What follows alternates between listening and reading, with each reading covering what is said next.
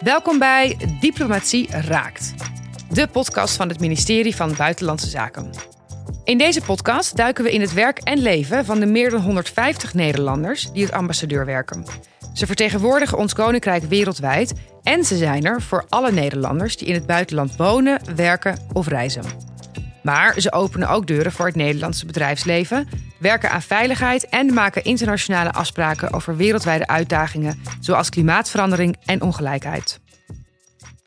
Maar wat betekent dit nou eigenlijk concreet? Wat doet een ambassadeur precies? En is uitgezonden worden echt zo avontuurlijk als het klinkt? Mijn naam is Liesbeth Rasker. Ik ben freelance reisjournalist en in dit tweede seizoen van Diplomatie Raakt ga ik op zoek naar de antwoorden op deze vragen. Iedere aflevering praat ik met een andere ambassadeur over het vak, de mens achter het werk en probeer ik te begrijpen wat het nou precies betekent ambassadeur zijn. In deze eerste aflevering is Simon Smits te gast. Hij werkt al sinds 1983 voor Buitenlandse Zaken en werd onder andere uitgezonden naar voormalig Joegoslavië, Zuid-Afrika en Bangladesh. Sinds 2015 is zijn standplaats dichter bij huis, namelijk het Verenigd Koninkrijk. We spreken elkaar aan de vooravond van de Brexit. Hoe is het om in zo'n roerige tijd ambassadeur te zijn? Simon geeft ons een lesje Brexit voor beginners. Hij legt uit hoe het departement van Buitenlandse Zaken nou georganiseerd is. En hij vertelt waarom er iedere maand mandarijnen en oranje fietsbellen op de ambassade te vinden zijn. We gaan gewoon bij het begin beginnen, want jij werkt al sinds 1983 bijna onafgebroken voor BZ. Het is ongelooflijk. Het is ongelooflijk en je zit er nog steeds. Ja, gelukkig wel. Waarom ben je er ooit begonnen? Ehm, omdat ik tijdens mijn studie eh, in Amsterdam eh, kreeg ik eh, de gelegenheid om een jaar in Engeland te studeren, in Oxford. Ja, En daar is eigenlijk eh, nog meer dan ik al, al bezig was met het buitenland, de interesse gegroeid voor het buitenland. Ik studeerde Engels aan, aan de VU in Amsterdam. Eh, dus dat is natuurlijk al een beetje buitenlands gericht. Ehm, en daar had ik het idee, daar gebeurde ook van allerlei dingen. Hè. Er waren studentenprotesten tegen de Shah. Hè. Het was in die tijd dat ik in Oxford studeerde. Eh, ik kreeg heel veel contact met internationale eh, studenten uit alle windstreken. En toen dacht ik, goh, eigenlijk best leuk om te proberen om bij buitenlandse zaken terecht te komen. Dat is niet meteen gegaan, want ik ben eerst een poosje leraar Engels geweest in Utrecht. Eh, maar daarna dacht ik, weet je wat, het buitenland begint toch een beetje, blijft kriebelen. Ik solliciteer gewoon, dus ik probeer het. En ja, het is eh, gelukt. Eh, Op al- welke functie solliciteerde je toen? eh, en het is niet een bepaalde functie. Oh. Eh, je komt dan in het zogenaamde klasje terecht. De, Ah. de startende beleidsmedewerkers heet dat Ja. nu. Ehm, en dat betekent eigenlijk dat je een algemene opleiding, in mijn tijd een algemene opleiding krijgt. Ja, Eh, met van alles en nog wat. Hè? Internationaal recht, eh, talen, geschiedenis, eh, noem het maar op, economie. Ehm, en na een, een driekwart jaar of zo word je ergens geplaatst. En dat kan ook op een directie bij Buitenlandse Zaken zijn. Dus gewoon in Nederland, eh, eerst een paar jaar. Of naar het buitenland. Eh, mijn eerste post was eh, Belgrado, Joegoslavië. En daar toen- werd je meteen geplaatst. en toen was het nog Joegoslavië. En Ik heb eerst een, een jaartje bij de personeelsdienst gewerkt. En toen ben ik naar Joegoslavië gegaan. Oké. En hoe vond je het dat je daar toen heen werd gestuurd? Ik vond het ongelooflijk spannend. Ja. Het was in de tijd dat eh, eh, de grote leider in Joegoslavië, eh, Tito, was overleden. Hè? Praat je over begin jaren tachtig. Dus Ja, ik heb daar Voor mijn tijd. de Olympische Winterspelen. Ja, niemand hier in de Kamer was toen nog geboren, denk ik. Maar goed. Ehm, de Olympische Winterspelen meegemaakt. Maar ook al een beetje de spanningen gezien. die later natuurlijk tot, tot de opdeling van Joegoslavië leidden. Dus het was een, voor mij eh, een, een buitengewoon eh, interessante tijd. En best een Eh, spannende plek om als eerste post meteen heen te gaan. en ook een spannende plek, maar Ja. ook buitengewoon interessant. Politiek, eh, economisch, eh, cultuur. Nou ja, wat ik zei, Olympische Spelen Ja. in Sarajevo meegemaakt. Waar Nederland overigens geen enkele medaille haalde bij het schaatsen. Helaas, maar dat is daarna alleen maar beter geworden.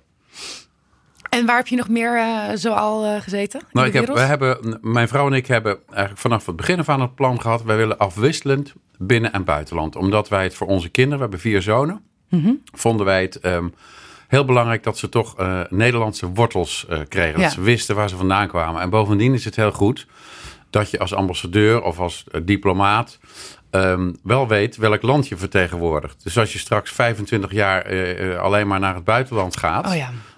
Ja, dan denk ik toch dat je de voeling met Nederland een beetje kwijt Een soort onthechting ontstaat er dan Ja, dat, is, ook, dat ja. is niet goed. Ja. Ehm, dus wij zijn afwisselend geplaatst. Dus ehm, eh, eh, na eh, eh, Joegoslavië ben ik naar Bangladesh gegaan. Oh, toen terug naar Nederland bij de directie Afrika. Toen naar Genève, de, de permanente vertegenwoordiging bij de Verenigde Naties. Dat heet in afkortingen PV, hè, PVVN. PVV, naar Zuid-Afrika. En ik heb ook ehm, op een andere PV, namelijk die bij de EU, gewerkt. eh, vijf jaar lang. Ehm, en ik ben tussendoor ook in nog- Brussel was dat dan? dat is in Brussel, Ja. ja. Eh, en ik ben tussendoor ook nog twee jaar op een detachering. heb ik bij Shell International gewerkt hier in Den Haag. Jeetje, all over the world. Ja, Ja. ja. Hoe krijg je eigenlijk een nieuwe post toegewezen?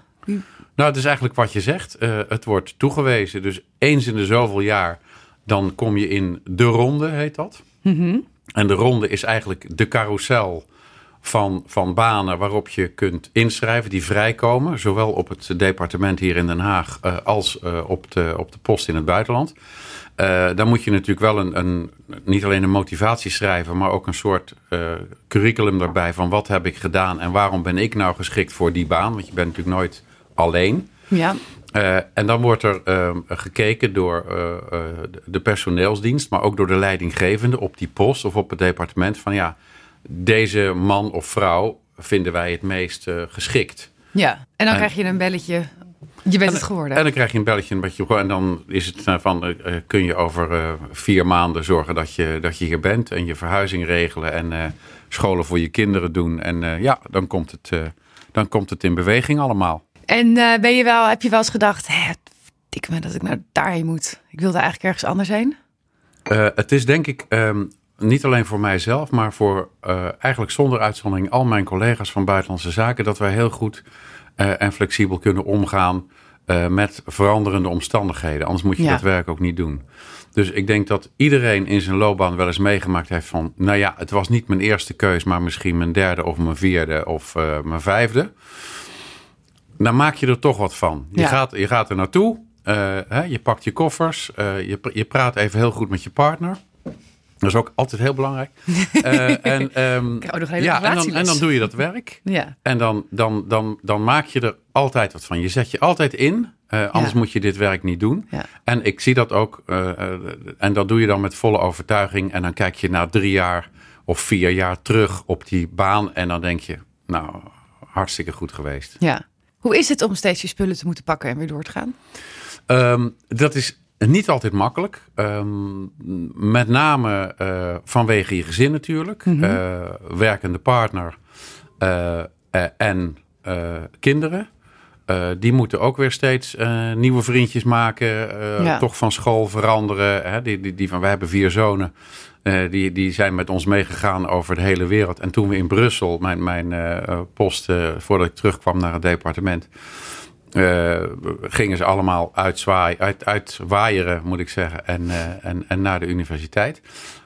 Maar die, die waren op een gegeven moment wel gewend van ja, dit is na drie jaar weer einde oefening. Ja. Dus dat is, soms is dat best makkelijk. Aan de andere kant, de scholen waar ze dan zitten en, en de kinderen die op die scholen zitten, die weten eigenlijk ook niet anders. Dus die maken snel contact. Internationale scholen. Snel, ja, altijd Ja. internationale scholen. Snel vriendschappen. Ja. En nu natuurlijk met sociale media, dat, dat zie ik aan mijn, eh, mijn zonen ook. Die hebben natuurlijk nog steeds contact met, Ja. met eh, leerlingen. En, en die zitten dan nu over de hele wereld verspreid. Maar het is nu zo makkelijk dankzij eh, WhatsApp enzovoorts. Dat, eh, dat, dat loopt allemaal goed. We hebben nog steeds contact. Ga je nog wel eens terug naar een van de landen waar je gewoond hebt? Ehm, nou ja, Brussel is natuurlijk heel makkelijk. Ja. Eh, daar heb ik vijf jaar gewerkt. Ja. Maar, maar andere plaatsen zoals eh, eh, Pretoria, Johannesburg, Zuid-Afrika zijn Mhm. Ja. geweest. en natuurlijk ook Genève. Ja, daar zijn we wel een paar keer terug geweest. Dat is altijd wel heel leuk. Ja, Dan is het weer een beetje terug op de oude honk. ja dat, zo voelt het wel, ja.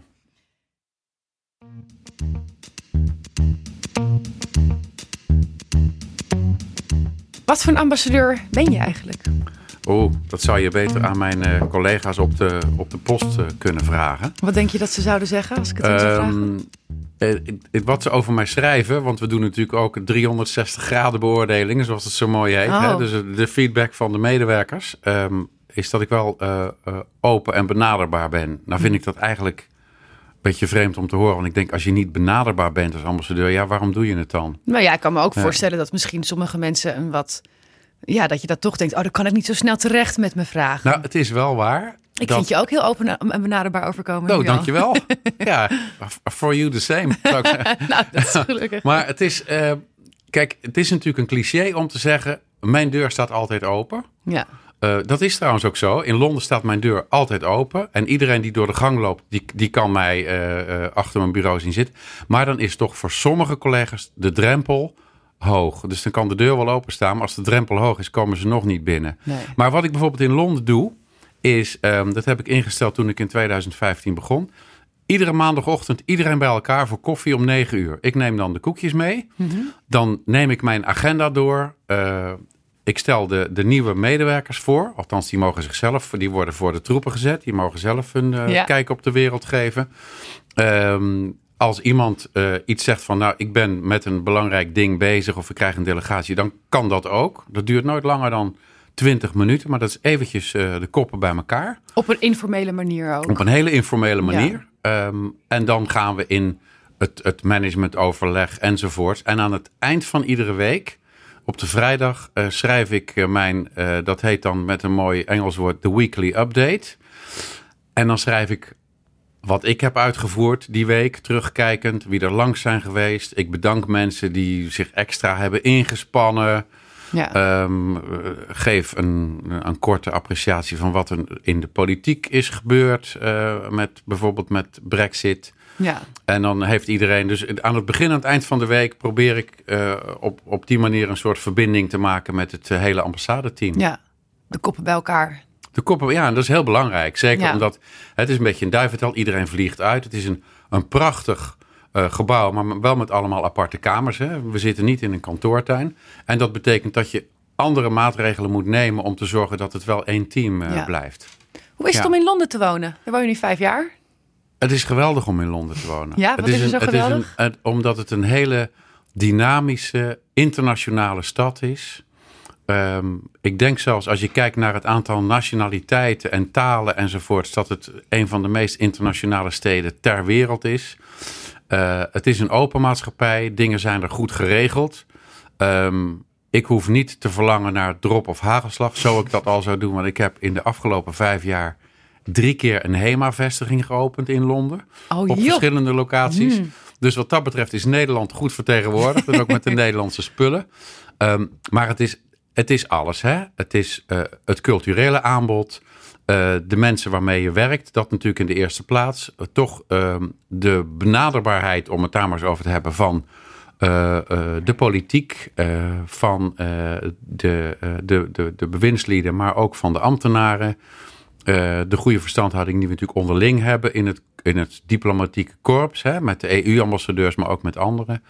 Ehm, de contacten met het bedrijfsleven. Dus op al die gebieden, denk ik, heeft Londen natuurlijk zoveel. En is het eh, heel, heel prettig eh, toeven daar, ja. En wat, wat vind je leuk om te doen in je vrije tijd?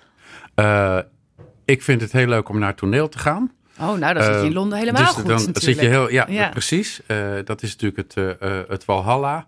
Eh, Wat is de laatste voorstelling die je hebt gezien? eh, The Man in the White Suit. Oh. Dat is, het is een, een beetje een komedie, maar echt heel knap en goed gedaan. En natuurlijk ook qua musicals, qua muziek. Ja. We hebben, wij doen heel veel uitwisseling, hè? ook met, met natuurlijk eh, een Nederlandse cultuur. Daar is de ambassade ook voor. Dus we hebben het Nederlands Danstheater. Er zijn tentoonstellingen van het Mauritshuis. Er is een Van Gogh tentoonstelling. Dus er zijn heel veel uitwisselingen ook tussen, tussen Nederland en het, en het VK. eh, op, ook op cultureel gebied. Ja.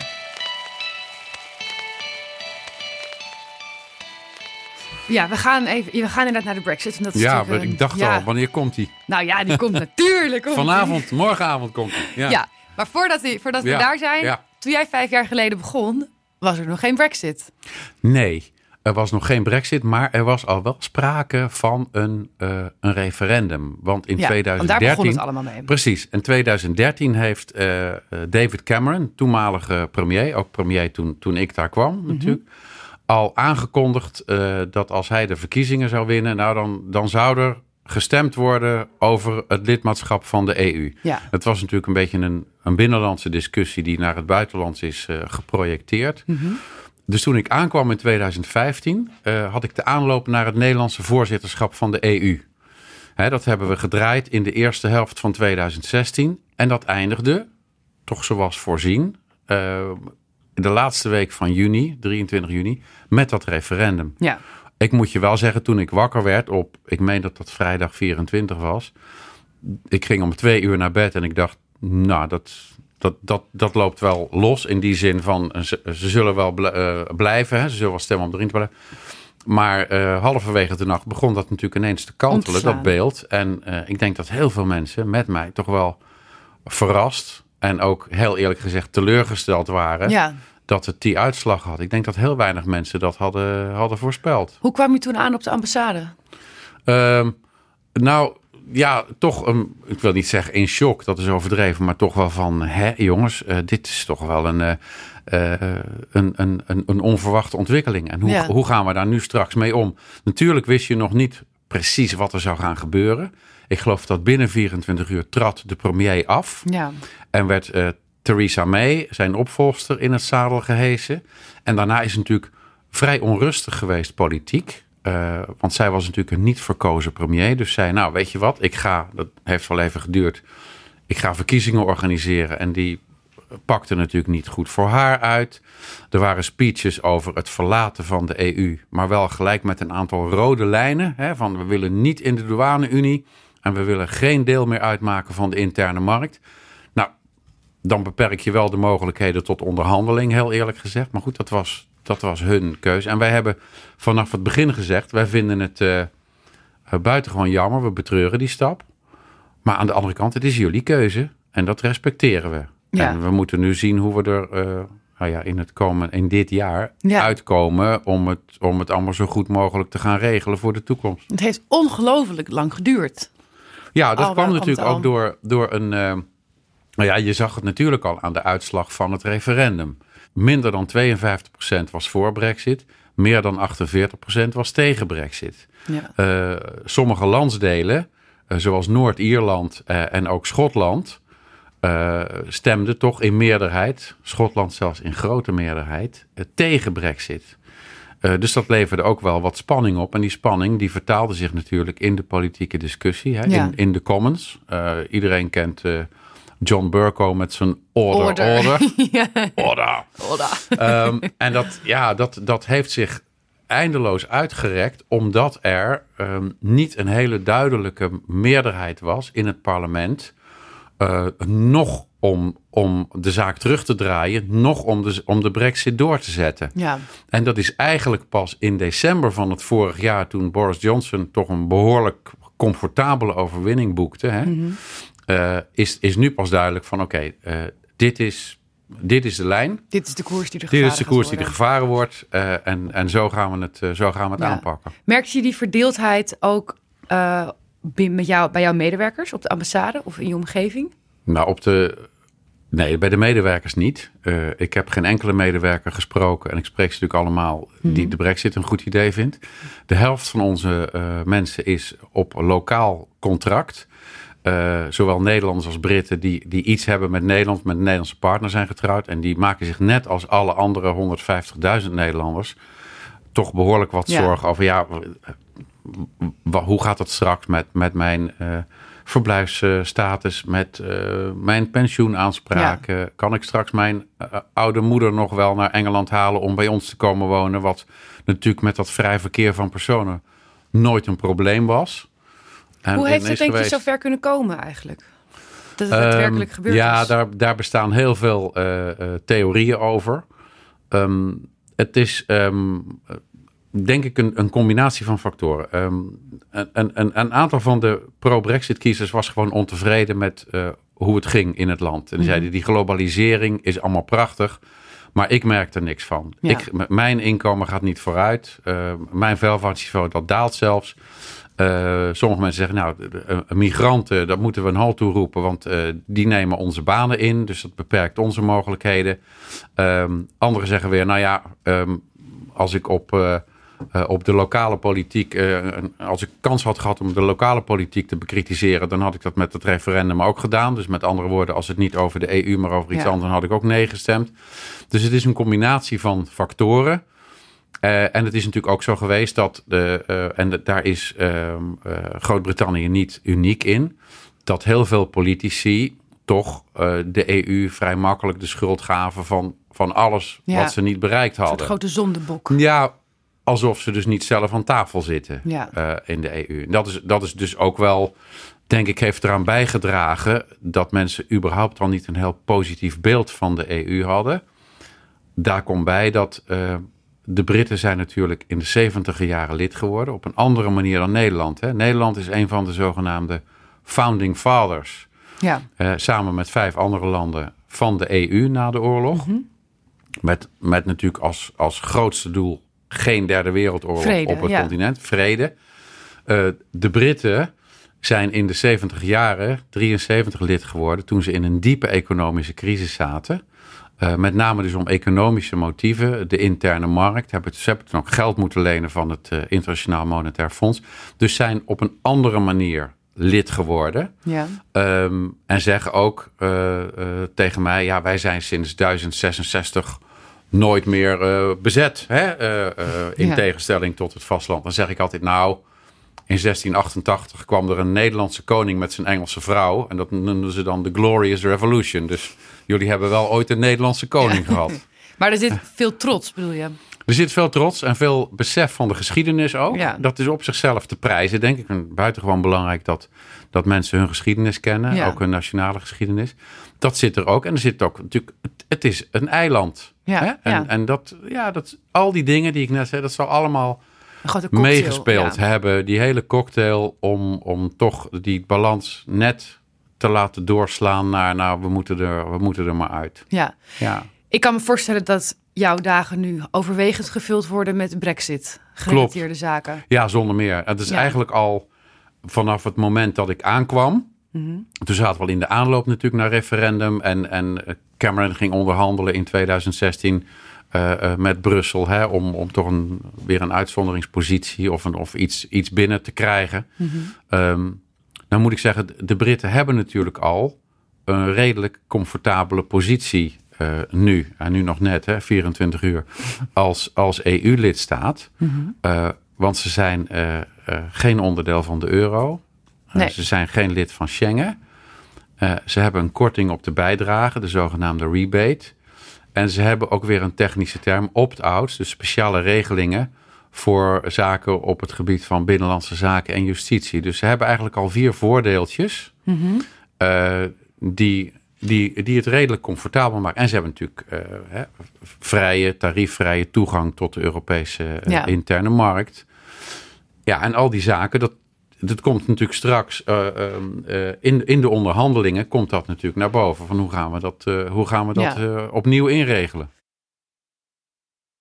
Wat betekent het, je zei het al, geld, burgers, grens. Wat betekent het voor de, bur- voor de Nederlandse burgers, voor de 150.000? Nou, op zichzelf hebben wij er, eh, we hebben er heel hard voor gepleit dat die ehm, zonder kosten en hopelijk zonder al te veel moeite eh, eh, de zogenaamde settled status, dus een verblijfsvergunning, kunnen aanvragen.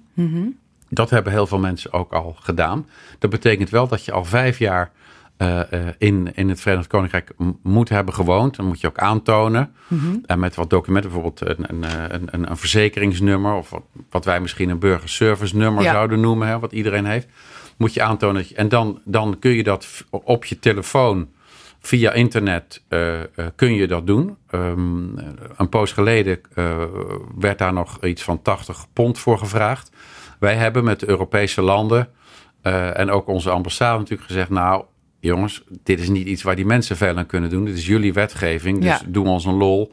Eh, eh, haal die kosten eraf en maak het eh, zo, zo, in, zo, zo, zo makkelijk mogelijk. Maak Ja. het niet al te ingewikkeld. Je moest eerst eindeloze formulieren invullen. Nou, dat is gebeurd. En dat hebben jullie dus bewerkstelligd. Dat hebben we gezamenlijk gedaan. Hè? Ja. Eh, niet alleen Nederland, maar ook de EU-partners. Ook onze collega's in, in Brussel hebben daar echt op aangedrongen van... maak dat nou, maak dat nou wat, eh, eh, wat eenvoudiger. Maar het betekent ehm, het nog steeds, om op je vraag terug te komen... van de, de risico's. Kijk, er is nog steeds een risico waar we rekening mee moeten houden, ook de bedrijven. En dat is dat als de tijd te kort blijft om echt een goede overeenkomst te sluiten, want elf maanden, en dat wordt misschien nog wel wat minder, hè, is niet zo heel veel. Als de Britten, de, de Britten hebben, hebben de, de gelegenheid uh, om uh, voor 1 juli, dus over een paar maanden komt er weer een belangrijk moment, ja. aan te vragen om een verlenging van die zogenaamde overgangsperiode, hè, de transitieperiode. Dat is dit jaar. Daar verandert er niks. De Europese regels, alles blijft hetzelfde. Ook om bedrijven en mensen de gelegenheid te geven om zich goed voor te bereiden. Uh, als uh, uh, de Britten voor 1 juli zeggen: wij hebben eigenlijk wat meer tijd nodig, mm -hmm. maximaal 24 maanden, dat kan ook een jaar zijn, maakt niet uit. Dan kan dat verlengd worden. Die kans is groot dat ze dat doen. Nou, denk jij of niet? ik, de, laat ik zeggen, uh, ik help het ze hopen. Maar tot nog toe heeft de premier Johnson steeds aangegeven uh, dat hij dat helemaal niet wil. Uh, hij zegt gewoon nee, zijn, zijn mantra is get Brexit done. Wat mm -hmm. het dan ook betekent. Maar daar, daarmee zet je natuurlijk wel druk op, ja. op de tijd, op de tijdsklem. Maar dat is op het ogenblik het standpunt van de Engelse regering. Ja. Dat betekent dat als we er eind van het jaar niet uitkomen samen er nog steeds een mogelijkheid is van een zogenaamde no deal.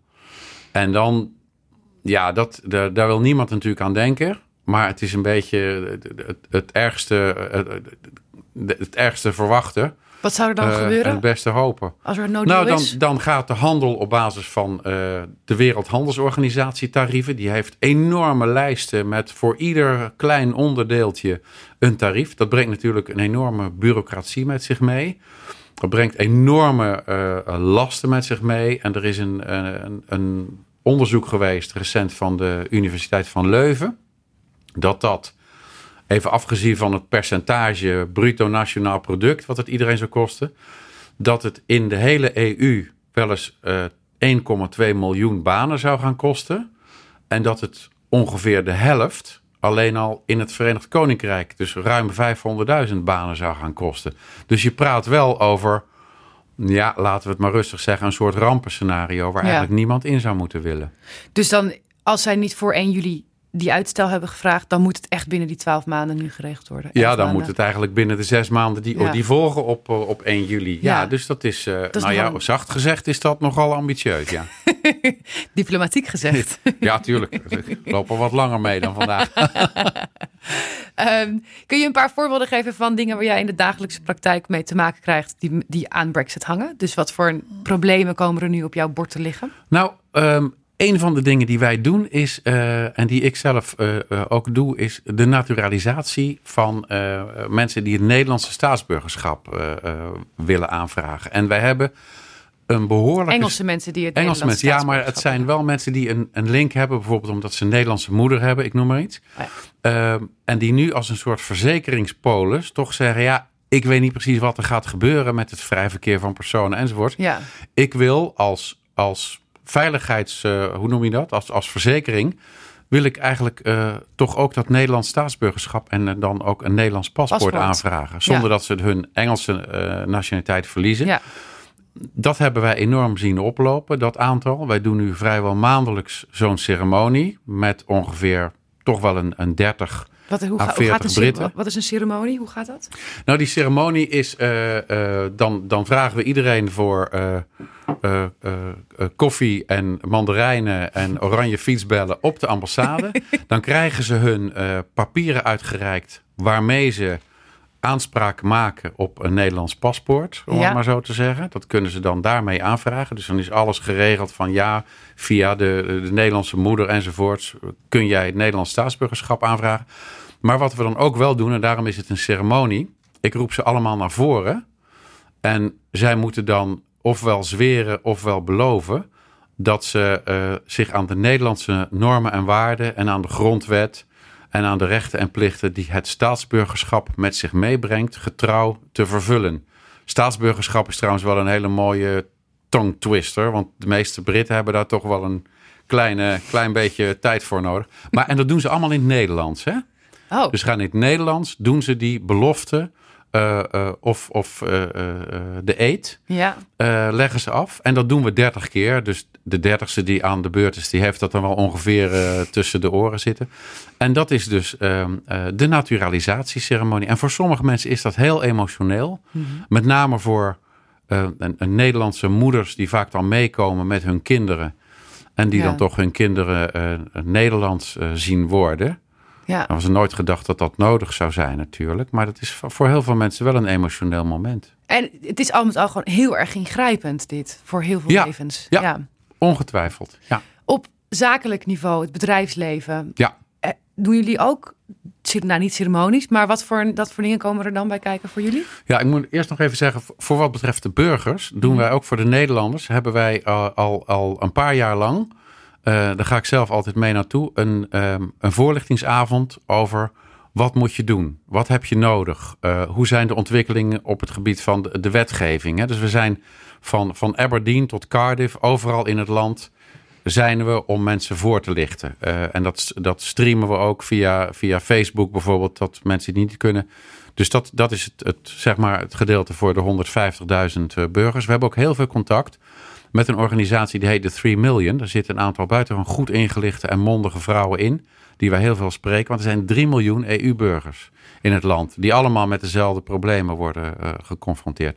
Voor wat betreft de bedrijven, wij staan ook door het hele land op beurzen, we lichten ze voor. En we hebben op de ambassade ook, dat heet een Hub Holland Hub, maar dan niet met een P, maar met een B. B ja. Onze business hub, waar ze afspraken kunnen maken, waar ze de computer kunnen gebruiken, uh, waar ze natuurlijk contact hebben met, met onze mensen van de economische afdeling, de cultuurafdeling uh, enzovoort. Mm -hmm. uh, en daar is het ook weer, zijn we, je zou kunnen zeggen, de makelaar in informatie en contacten. Wij -hmm. onderhandelen niet over contracten, maar die contacten die gaan natuurlijk wel voor de contracten uit.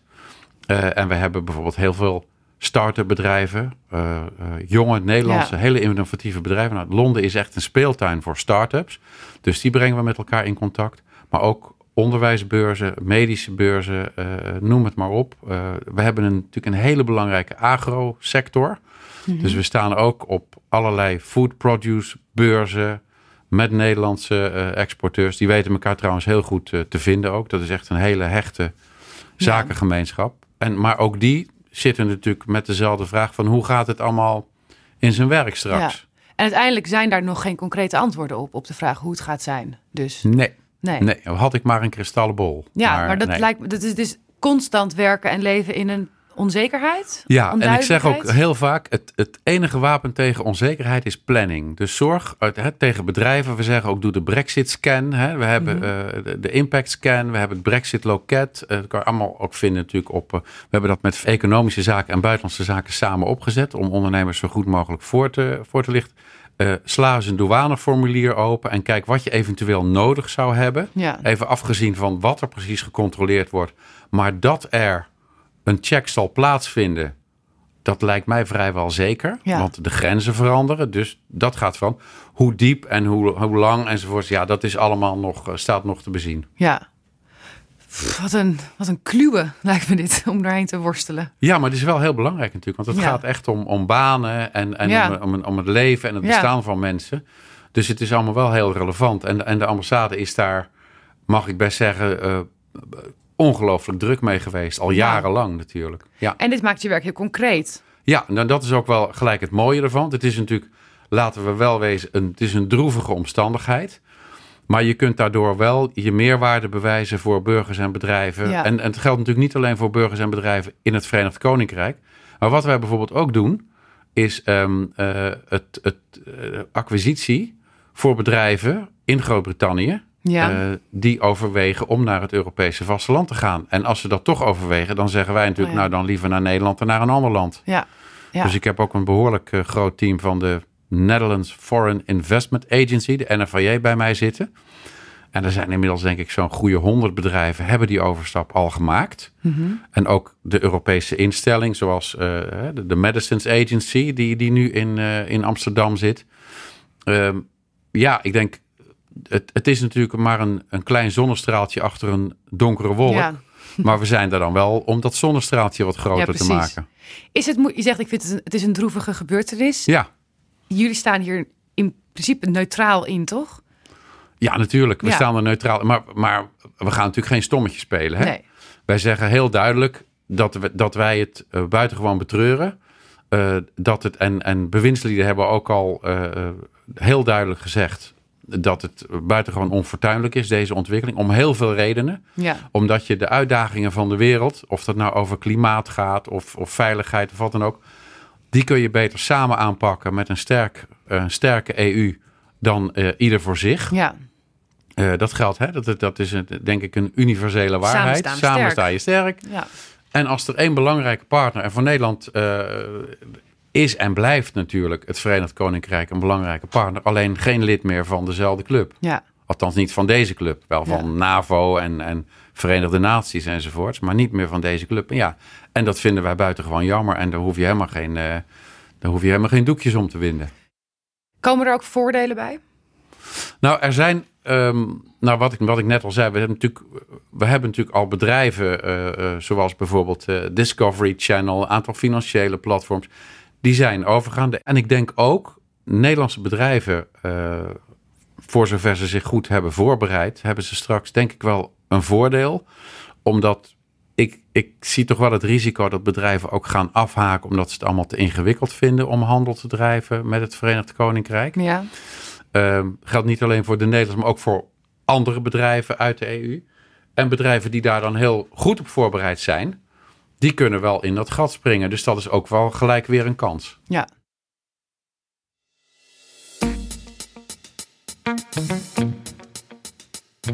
We gaan even naar het uh, durf te vragen rondje. Wat ik van tevoren al even zei. Uh, jij loopt al langer dan ik leef mee in deze wereld. Wow. Waarom moet je dat nou zeggen? Om je wijsheid te benadrukken. Je zou mijn dochter kunnen zijn. Ja.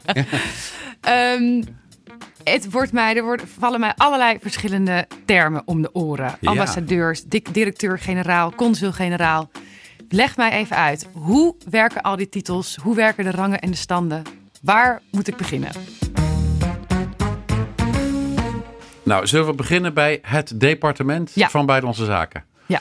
Um, departement, ministerie van Buitenlandse Zaken. Uh, aan het hoofd staat de politieke leiding, zoals wij dat noemen. Dat zijn op dit moment twee... PL. Jullie korten altijd alles af. nou, die heb ik nog niet gehoord, Oh. maar die, nou, voor je het weet zit hij er ook in. de Um, politieke leiding. De, ja. de politieke leiding. Dat zijn de twee ministers. Uh, uh, Stef Blok en Sigrid Kaag. Buitenlandse Zaken en uh, Buitenlandse Handel en Ontwikkelingssamenwerking. Die worden afgekort. Dus daar beginnen we. Um, Stef Blok wordt M genoemd. Net als in James Bond. Uh, en R, dus aan het eind van het woord minister... Ah. Uh, is uh, de minister voor. Vroeger was het alleen ontwikkelingssamenwerking, hè, ook in de tijd van, van Jan Pronk. Nu is dat gecombineerd, wat ik overigens een buitengewoon briljant idee vind. Buitenlandse handel en ontwikkelingssamenwerking. Afgekort als BHOS. Dat is de politieke leiding. Daaronder heb je de ambtelijke leiding, de zogenaamde bestuursraad. Ja.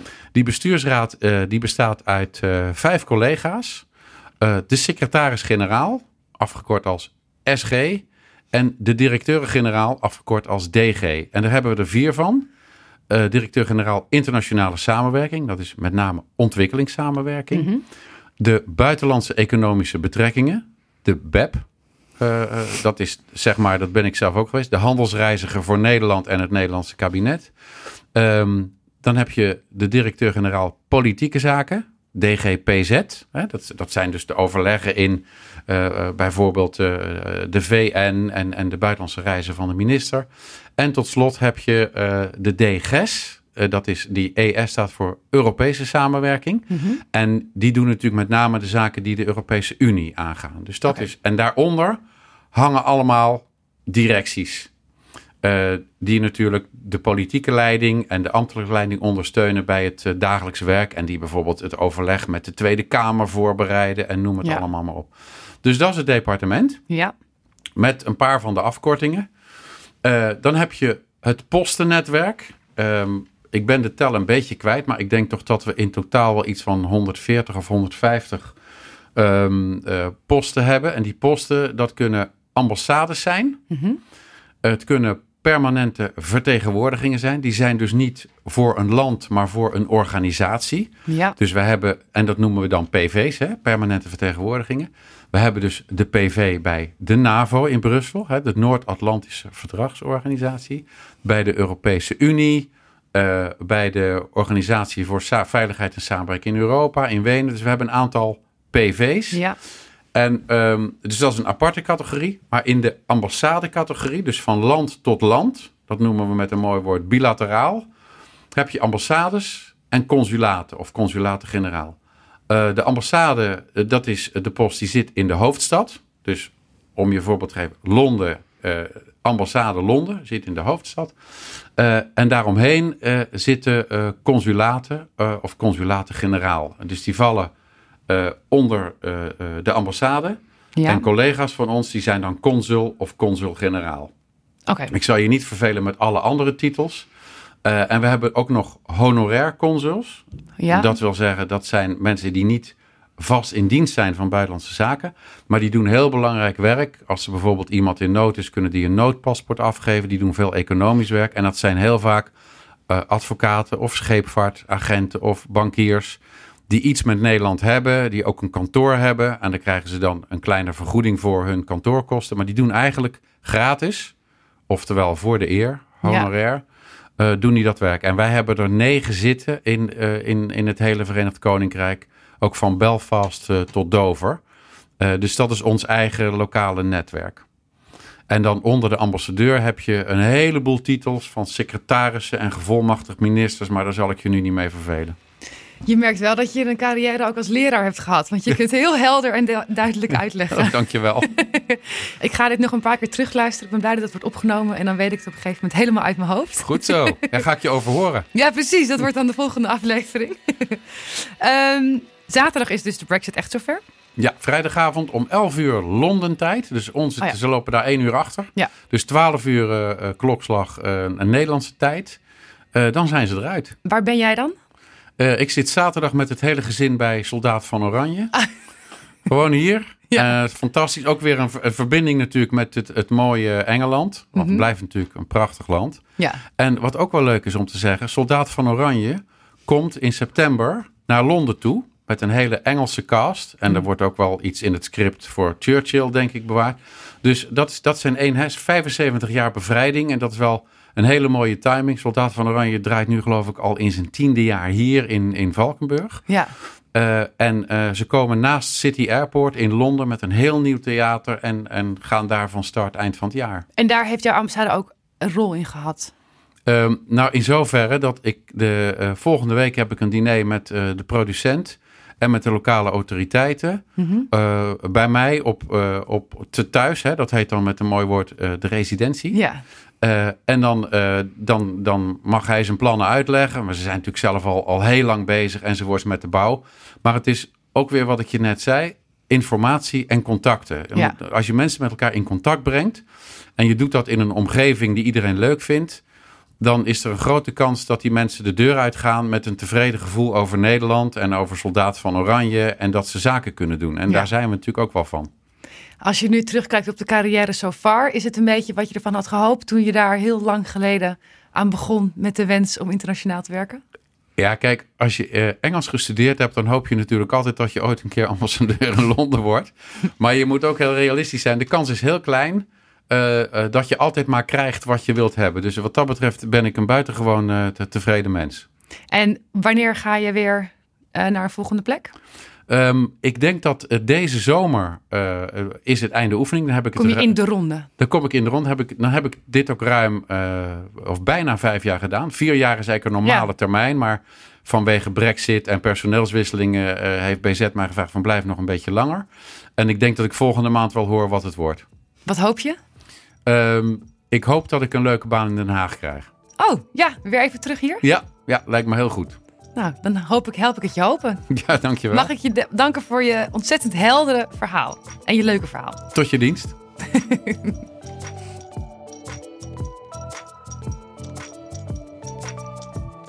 Dit was Diplomatie Raakt, een podcast van het ministerie van Buitenlandse Zaken. Wil je meer weten over wat het ministerie en de ambassadeurs doen? Luister dan ook seizoen 1 van Diplomatie Raakt. Of ga naar www.rijksoverheid.nl-bz.